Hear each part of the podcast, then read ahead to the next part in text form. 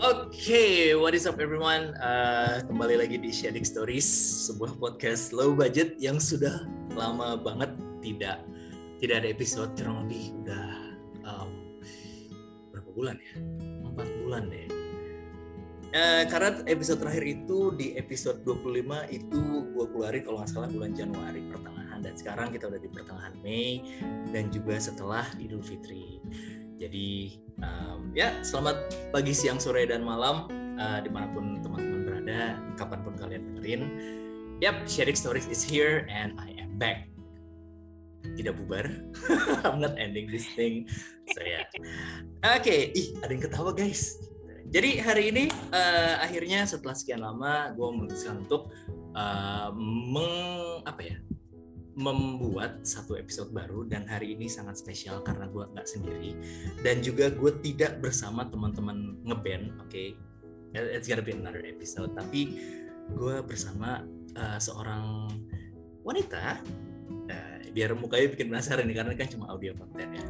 Uh, apa ya bisa dibilang dia kenalan gue yang kita kenal dari uh, satu forum namanya di IB uh, itu kayak sebuah meeting gitu bulanan dan di situ uh, isinya sangat-sangat oke okay, topiknya juga asik dan seru dan di situ gue kenal sama dia jadi untuk hari ini uh, I'm gonna do this in English alright because today I'm not alone I am with Charmaine hello Charmaine how are you today I'm good. How are you? I am great as usual. I'm so excited but nervous at the same time. Okay, Charmaine. Oh my word, Charmaine. It feels like it's almost a year, right, since the first uh, book club that we met. I think this was back on June or July, if I'm mistaken. Yeah, actually, we started the book club around March, and then it started to get more people joining around June, July. Um, April and May, I think we only had four people attending and then after after EF Indonesia got more involved, that's when it really picked up. That's when we got more people joining. Yep. Okay, first things first. Uh, a lot of my listeners, I don't know if I have listener actually, but they they they they don't really know you. So would you mind uh, introduce yourself, Charmaine? Because I also okay. personally I didn't know you as well, right? So yeah. Yeah, sure. sure. Um, I'm Charmaine. I'm from the Philippines. I am currently in China, and yeah, I'm 30 years old. I don't know why I had to say that, but but yeah, I'm I'm working in China right now, and I've been living here for six years. I do a lot of martial arts.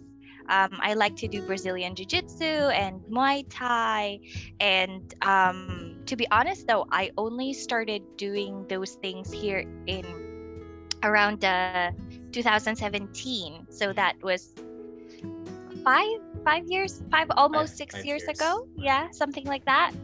Um it's uh it's a very late start for me but after i started it i just got hooked and then i kept showing up to class and yeah well that's that's it that's my short introduction. you have to stop me. I will keep uh, well, talking. that's that's the point, right? We're gonna make this audio like flowing, you know. Yeah, more content means probably more listeners. okay. Hopefully more listeners. yeah, probably. Well, hopefully. Okay, Brazilian Jiu-Jitsu. Um, so uh, I gotta say that uh, we have to be careful with her, guys. Uh, we shouldn't make, uh, you know, try anything funny with her otherwise oh bam okay it's interesting that uh, you've been living in in china especially in shanghai for six years actually no i've been living in china for six years but almost six years. But I didn't live live in Shanghai the entire Oh. time. So I lived in Urumqi for two years, Mhm. and then I moved to a small city called Yuyao, Mhm. and then to a medium-sized city called Ningbo, and then two years here in Shanghai. So I've been moving around. Mhm. Um, it, it's been great. It's different from each other actually, because um, Urumqi is northwest, so Mhm. it's a very different culture, very uh, different types of food and all that kind of stuff. And then I moved to the east side of China, and even like the looks, the ethnic clothes, and all that stuff, it's very different from each other. Uh, the interesting part here actually is so when you decided to move to China, I mean, what makes you decided to go? I mean, to, to, to go to China to move there. I mean, at such a young age, you you made Uh-huh. that decision. Eh, how how was it? I mean, it's it's interesting. It's almost interesting. Me personally, Charmaine, to be honest with you, I've never been on a plane before. really? Yeah, never. Oh, hopefully soon though. But yeah. Yeah. well, the thing is, the thing is, the my travels were very random. So the first time I traveled by myself was when I went to Singapore in 2014. So I believe a lot of the things that happened in my life they started really early. I started university at 16 and then as soon as I graduated, I started working and then I had this opportunity to go to Singapore. So I took it, and um, and then when I was there, my cousin was getting married, and she was gonna have the wedding in India. So I ended up going to India as well, and it was just so random. And then the same thing happened with me coming to China. It's the funniest story because I was at a birthday party, and, and this woman was um just saying that yeah she's just visiting home. And then i asked her like oh okay so where where do you work? And she said she works in china. She's an english teacher. And i was like oh nice. And she asked me do you know anybody who would be interested? So i thought like yeah sure i'll ask around. And i did ask around but because i kept on asking people uh, most of most of the people that i asked didn't take me seriously. And so anyway because i kept on asking people i thought i could do that. And so i applied thinking you know I, I probably won't get the job. I got the job. And so i thought well even if i got the job like i probably won't get uh, I probably won't get a visa because like my degree isn't isn't in teaching anyway. And then I got the visa. And then at that time like I've I didn't have a lot of money saved. So I thought like well I have a visa but I don't have the money to go like not at least until I save up for it for a couple of months.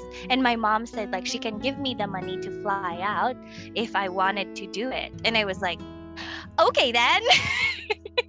So I did and then it only hit me I only realized that oh my gosh I made this decision when I arrived in China. So I had a layover in Guangzhou before I went to Urumqi and then when I was in Guangzhou that's when I was like oh wow I did it I'm really here and I'm gonna work here and after that it just like yeah it just happened so a lot of the things that made me travel are things that I didn't think about too much Mm. they just randomly happened and I thought yeah I'll do it and here you are right now, right? To yeah and here I am I But, mean, uh, yeah. Uh, how how does it feel actually? I mean, being away with the family, uh, isn't it hard, or, or is it hard at the first time, or maybe first couple of months, and then now you're you're okay with that? The transition? it's very exciting in the first few months. Um, it's I've always been very independent anyway, so it was very exciting for me to like actually live alone without a safety net. Nobody is coming to save me if I made the wrong choices, right?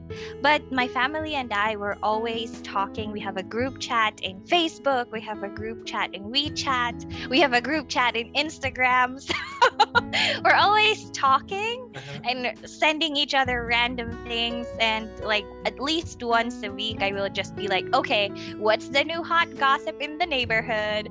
So so it's it's it didn't feel that I was far away from them. Um, it only got or it only felt really hard after the pandemic because it's I think it's different when you know that you're choosing not to go home to visit them from I can't go home to visit them. Well, I can, but if I do, I have to give up everything that I worked for in the last few years here in China. So um, I'm, I'm, I'm just very, I guess, lucky that my family is very understanding, mm-hmm. that they know that there are things that I want to do and there are things that are keeping me here, and they respect that enough to not pressure me to go back home because they miss me. And yeah, we we just have a we just have a lot of video calls, really.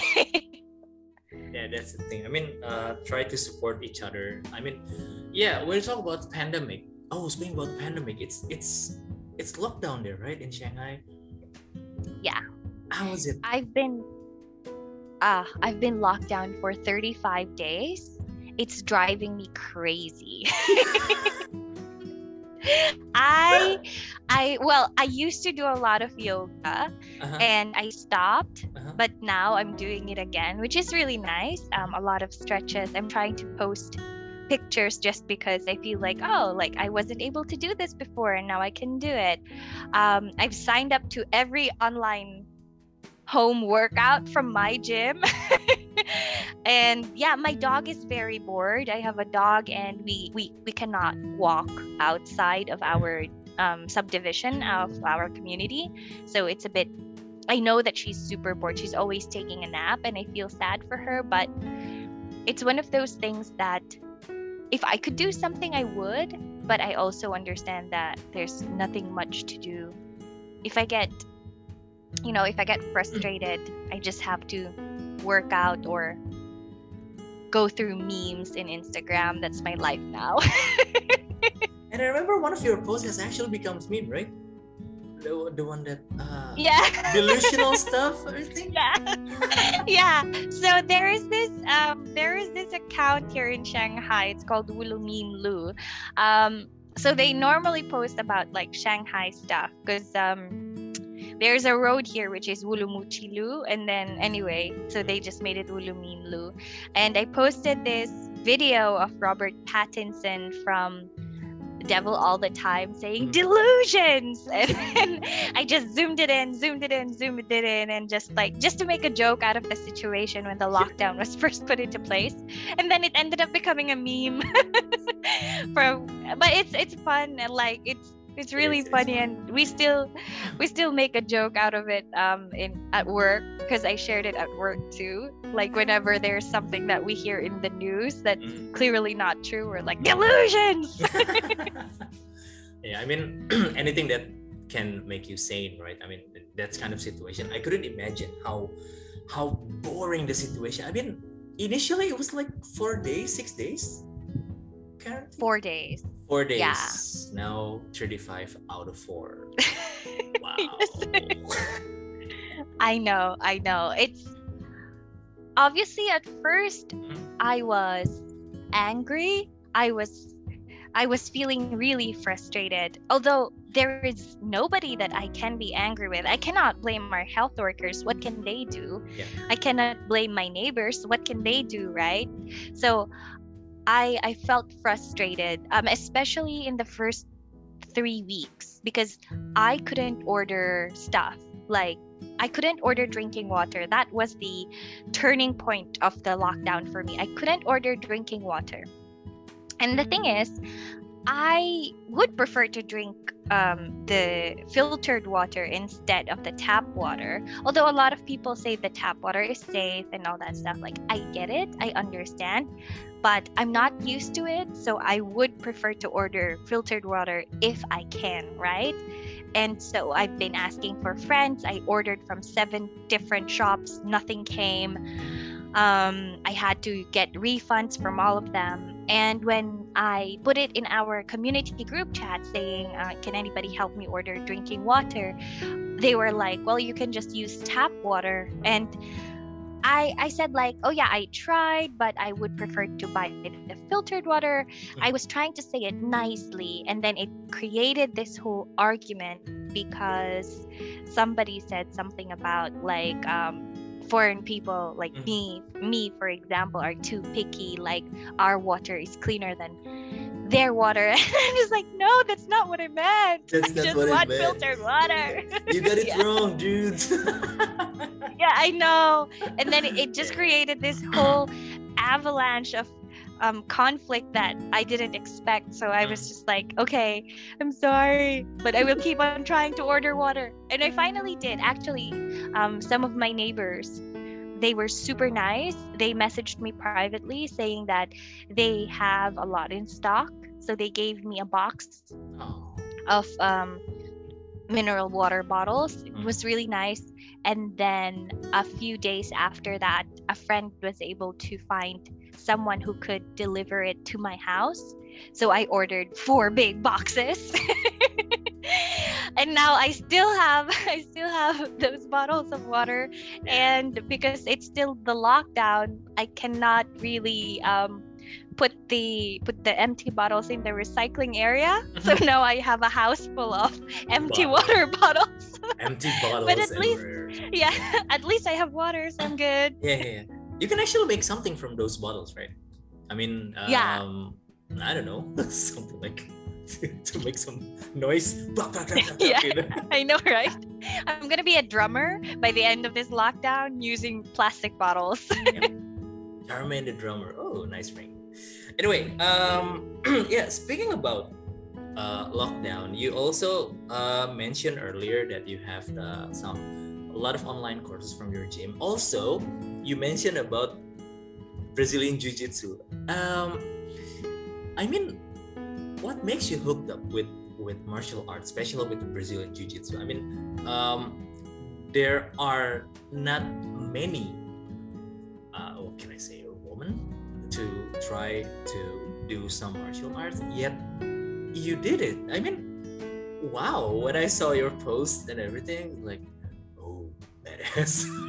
thank you thank you yeah, yeah, actually actually there's a lot who try but then there's not a lot who stick to it unfortunately. That's what i noticed. Like there's a lot of people who try it but then um, if you look at the number of say the male black belts compared to the female black belts there's not a lot of female black belts, which is a shame because it's a really fun sport. What hooked me up with it, I would say, was there's just so many things to learn. Um, first of all, about the sport, second, about the rules, and third, about the human body. Like, uh, there are, if somebody grabs my wrist, for example, there are so many ways to escape just one grab and I didn't realize that until I started Brazilian Jiu Jitsu. And what I like about it is, apart from the fact that it was meant to be for a smaller person to fight a bigger person using um, body angles and techniques and all that stuff, you can also make it your own. So there are a lot of techniques that you can learn, but depending on your, I guess, body size and preferences, there are techniques that you can master and you can be really, really good at. And that's what I like about it that I have a lot of options at the same time. I can make it my own, I can be creative. Of course, there are the basic standard rules that are set in place to make sure that I don't hurt myself mm-hmm. or other people unintentionally. unintentionally. but yeah. Unintentionally. Yeah. The intentional hurting of other people is approved but the unintentional hurting is not okay.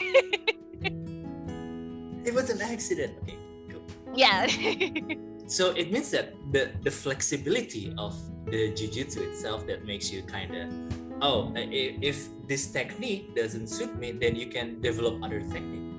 Is it like that? Yeah, absolutely. So, for example, I'm I'm a small person and I like well, I I like fighting people my size, but there's just not a lot of people my size, my weight, my height and I guess my level.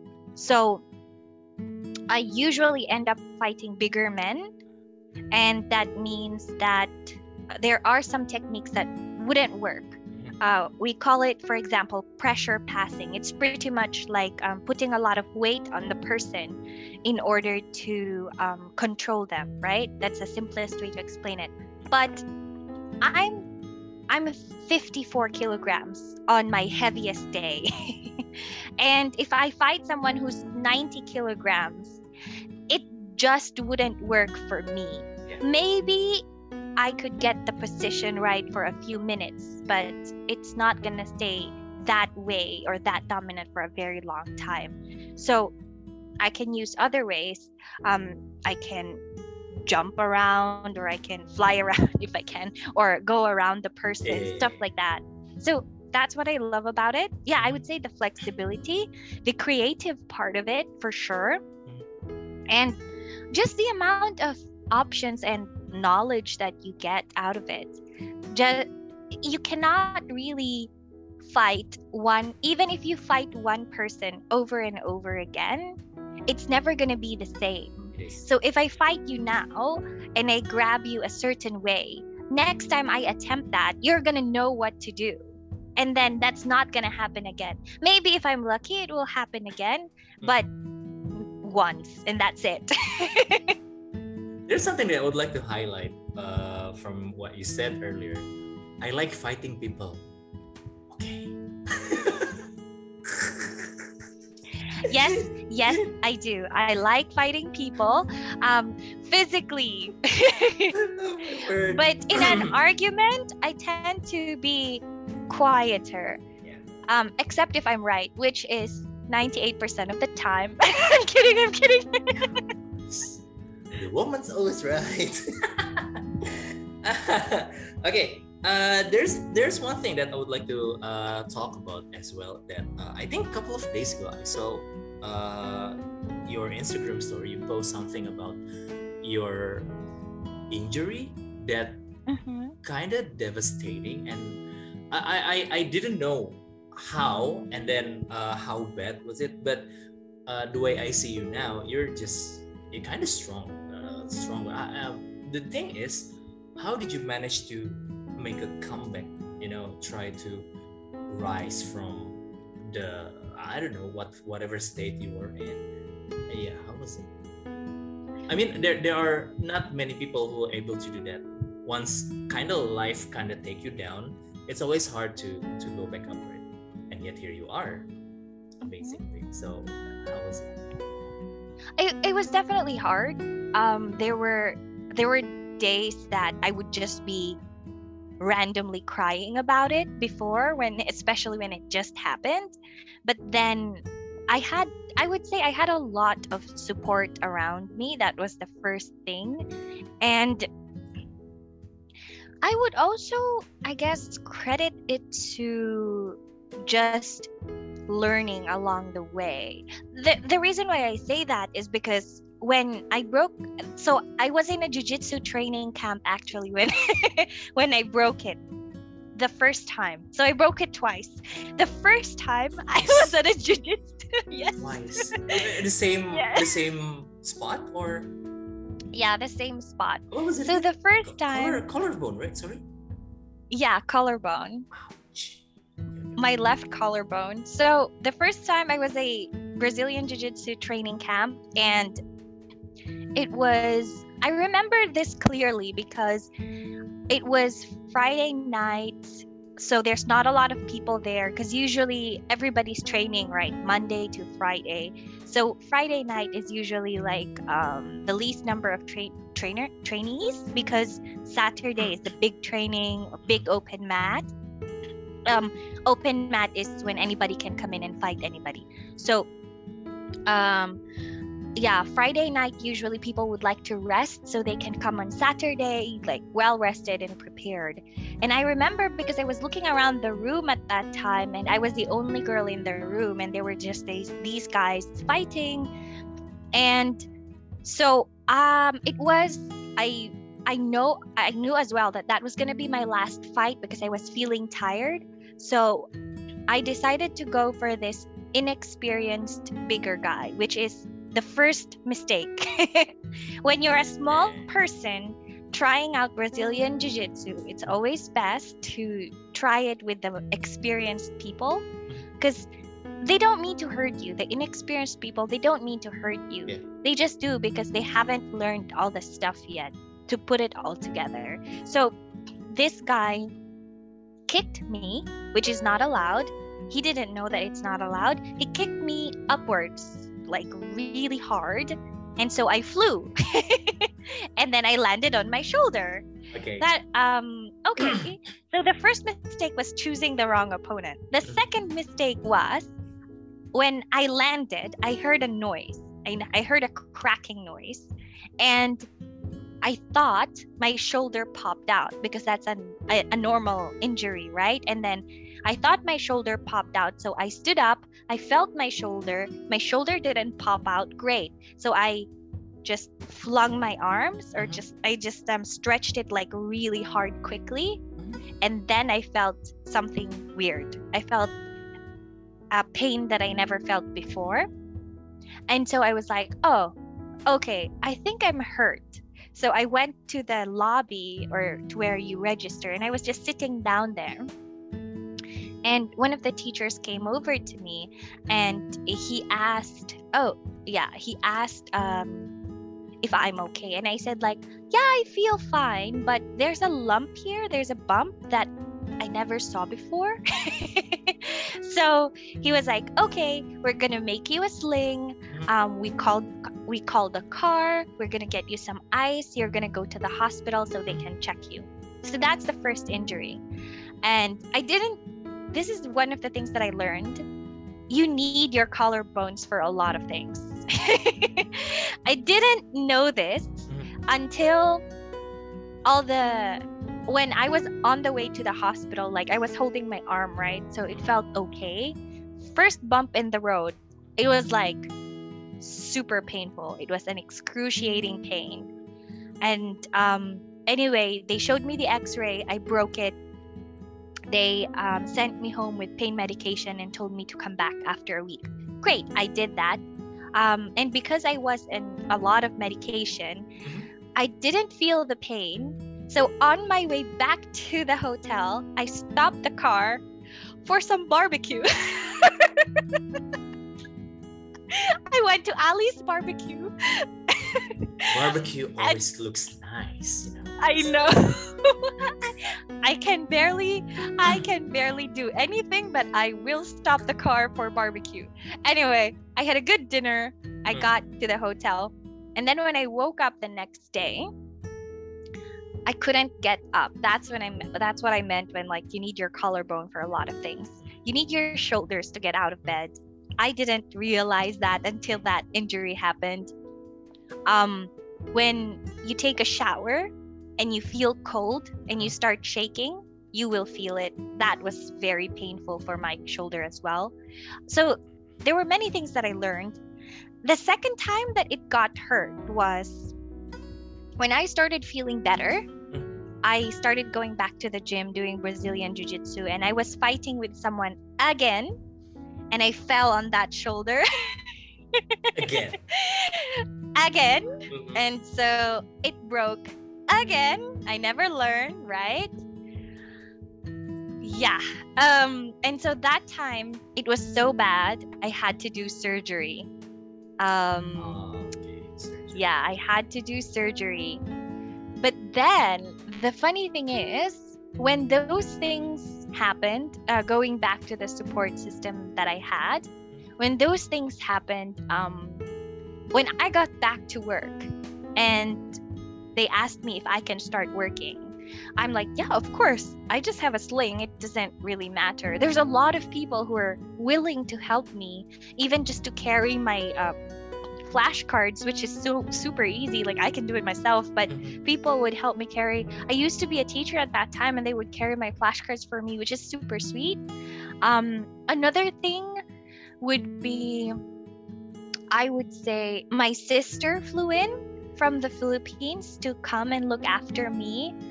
She it's super nice. Like she would help me put my coat on, and then the pandemic happened for the first time, so she had to leave.